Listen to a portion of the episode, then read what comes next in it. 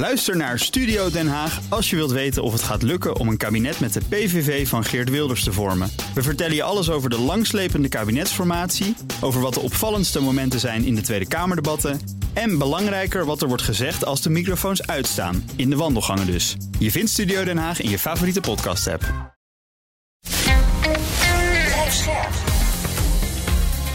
BNR Nieuwsradio. Boekenstein en de Wijk. Paul van Liemt. Welkom bij Boekenstein en de Wijk. Het is vrijdag, dag 463 van de oorlog in Oekraïne. En heren, voordat we beginnen, jullie staan in het theater aanstaande zaterdag 3 juni in Amsterdam. Pardon, met econoom Matthijs Bouwman. Je wordt helemaal emotioneel. Ik word er echt emotioneel van, want het is, ja, het is dichtbij, vlak bij de studio. En dan ook met Matthijs Bouwman, jongens. Het gaat maar door. Dit is leuk. En het, gaat- blijft heel mooi, want vrijdag 9 juni in Rotterdam met Ben van den Burg over natuurlijk technologie. Er zijn voor beide optredens nog een paar kaarten beschikbaar. Mensen gaan er graag naartoe, dus schrijf snel je kans. En kijk voor alle data en tickets op bnr.nl slash theater.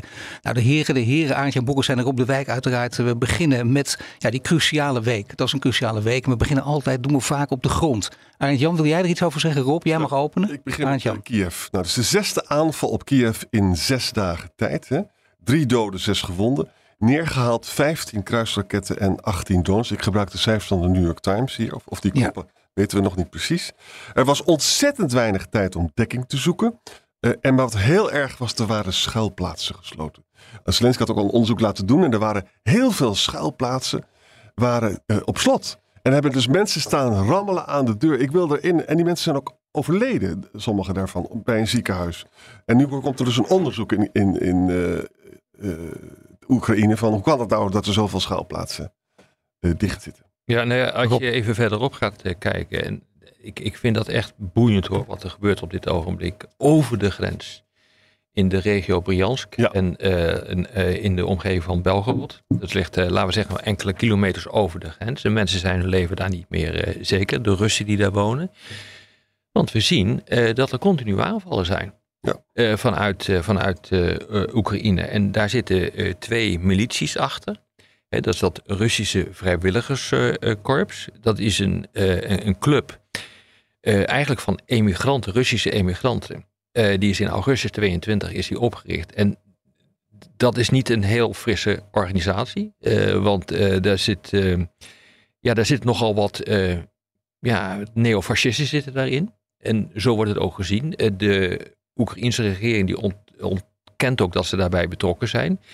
Tegelijkertijd zie je ook op dit ogenblik dat het legioen van de vrijheid eh, van Rusland eh, actief is in dat eh, gebied. En die is iets eerder opgericht. En dat zijn ja, feitelijk ook overgelopen Russen die zeggen van oké, we willen van Poetin af. En wij vinden dat wat Poetin gedaan heeft niet kan. En we vechten dus nu ook tegen, tegen Rusland.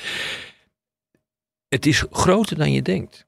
We zien iedere keer eh, dat er veel meer militairen worden ingezet. Ja. Eh, dat er eh, steeds meer zwaar materieel wordt ingezet. door de tanks gebruikt. Interessant genoeg, wat ik ervan zie, is dat het vooral oud Sovjet-materieel is wat er wordt gebruikt. Er zijn Ja. ook Amerikaanse legervoertuigen wel door de Russen ingepikt.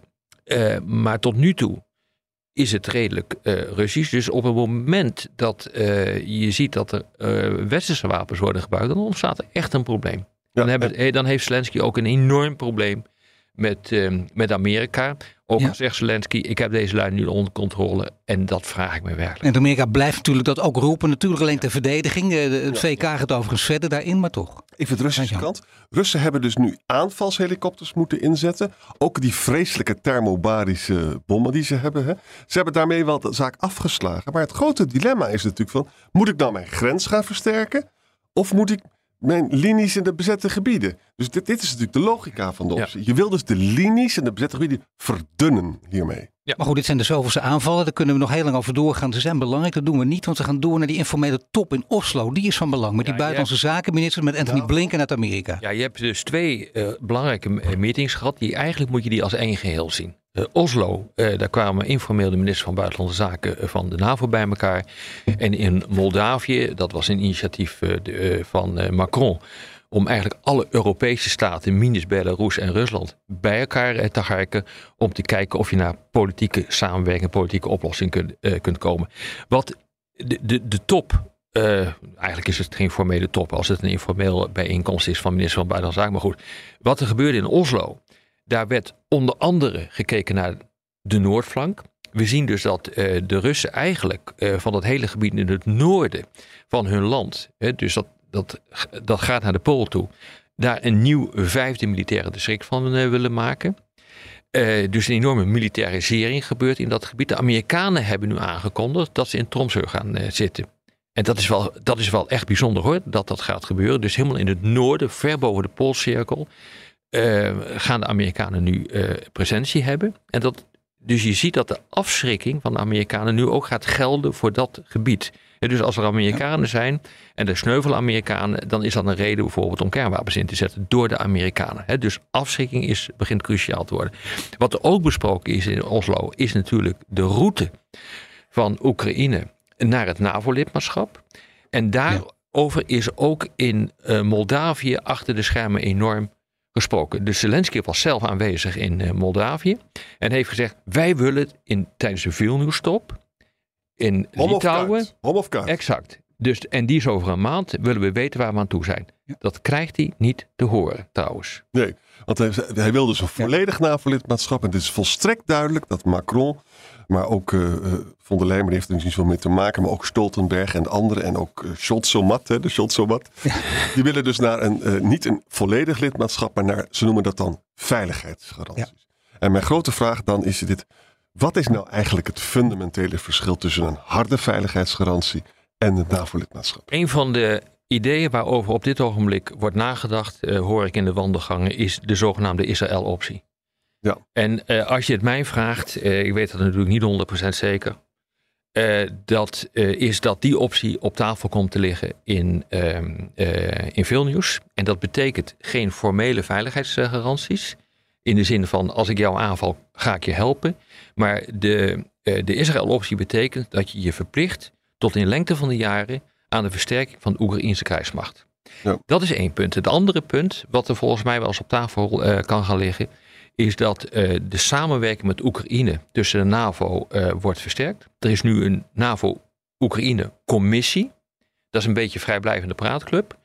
En die zou je kunnen omvormen tot een NAVO Oekraïne-raad. Exact. Die komt ons trouwens oh. bekend voor, want die hadden we ook met Rusland. Ja, hadden we ook met Rusland. Maar het, het grote verschil is, uh, daar is Rusland natuurlijk uitgeknikkerd, die hele raad bestaat niet meer. Maar uh, het grote verschil is dat het ene vrijblijvend is en het andere niet. Want als jij dus in een ja. NAVO-Oekraïne-raad zit, dan, heb je, uh, dan zit je als een gelijkwaardige partner aan tafel en dan mag je ook agenderen. En dan kan er ook gecoördineerd worden. Dus alle zaken die te maken hebben met vrede en veiligheid worden ook in die raad aanhangig gemaakt. Alleen er zit niet een formele veiligheidsgarantie vast. Dit geeft meer garantie voor, voor Zelensky. Is hij hier tevreden mee? Nee, is nee. niet tevreden mee.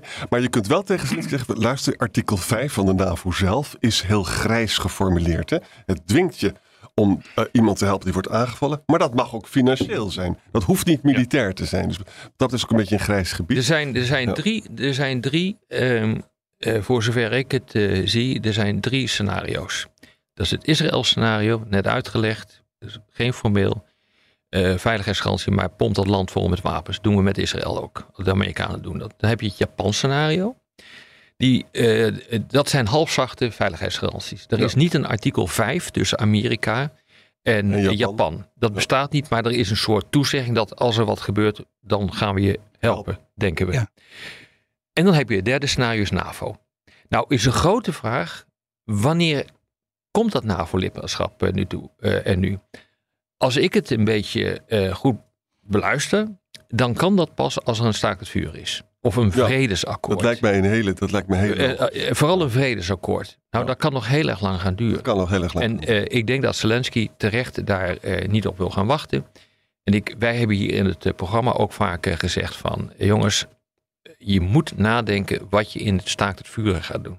Exact, want Als, gaat het gebeuren. Want ja. dan heb je een window of opportunity van een paar dagen, een paar weken. En eigenlijk, maar dat is ja. bijna onmogelijk, zou je dan, als je dit zou willen. Ik zeg niet dat ik dat wil, maar als je dat zou willen als politiek, moet je dan toeslaan en moet je ervoor zorgen dat het land dan NAVO-lid wordt. Goed, maar alle opties die op tafel liggen, je moet weten wat Zelensky daarvan vindt. Hij gaat er niet mee akkoord. Hij wil NAVO-lid worden, maar dat gaat niet door. Dus hoe moet je dat dan oplossen? Moet je dat naar buiten verwoorden? Je hoeft niks op te lossen, want Zelensky, weet je, moet gewoon doen wat er gezegd wordt. Ja, die zit afhankelijk. Nee, dat is. Ja. En hij heeft het nu al gehoord van Macron en ook van Biden. En is al heel lang aan de gang. Nee, dat moet hij gewoon accepteren. Nee, hij kan zich op een reactie naar buiten dus ook voorbereiden. Dat zal nog gewoon van belang worden. Intussen is het interessant dat overigens Ja. leveren zoveel wapens en andere wapens gaan kapot. Dus Oekraïne wordt een westerse krijgsmacht. Hè? Ja. De integratie wordt heel makkelijk. Nou, sterker nog, Nou ja. het wordt een westerse krijgsmacht die veel beter is dan welke Ja. westerse krijgsmacht dan ook. Ja. Hè, want eh, er wordt nu ook nagedacht over welke lessen kunnen we hieruit trekken en hoe gaan we om met Oekraïne. En er wordt er gezegd van, nou, we moeten naar de interoperabiliteit, dus de samenwerking binnen de krijgsmachten gaan kijken.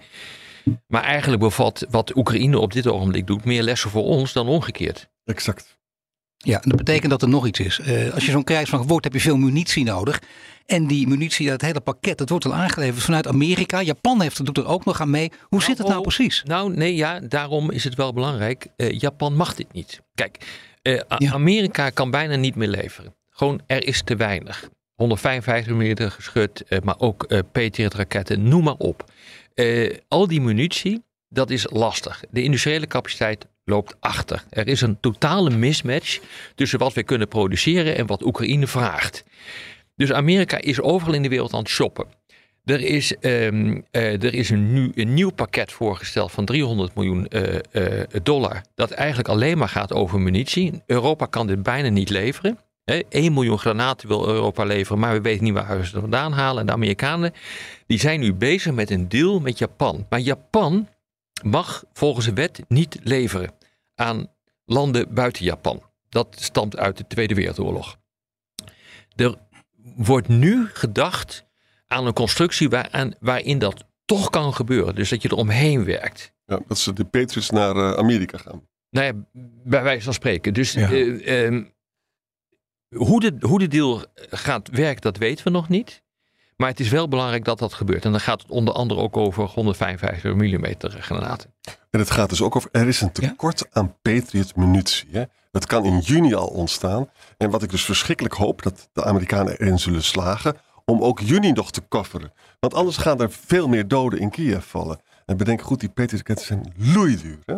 En die gebruik je eigenlijk tegen dingen waar ze helemaal niet voor zijn. Maar dat betekent dat er hier dus inderdaad haast ook bij geboden is. Terwijl dit ingewikkelde constructies zijn om alles voor elkaar te krijgen. Dit gaat ook lukken. Ik bedoel, je zegt dat dit, dat betekent Nou, zo'n paar weken. Ja, ik, ik lees daar depressieve stukken over. Dus ik Ja. kan me zo voorstellen.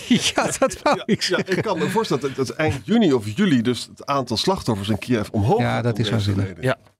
Ja. En als je bedenkt, ik lees ook stukken dat de mensen in Kiev zijn dood en dood op. Ze slapen niet meer. Er moet, er moet wat gebeuren op redelijk afzienbare termijn. Eh, en dat heeft echt alleen maar te maken met het feit dat je de spullen moet hebben om je te kunnen verdedigen. En de industriële capaciteit in het Westen loopt achter.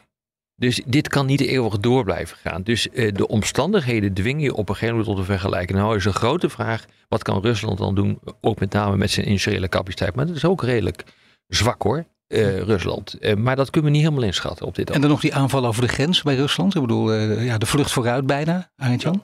Nou ja, het, het effect daarvan is natuurlijk heel simpel. Die, die nemen toe in intensiteit.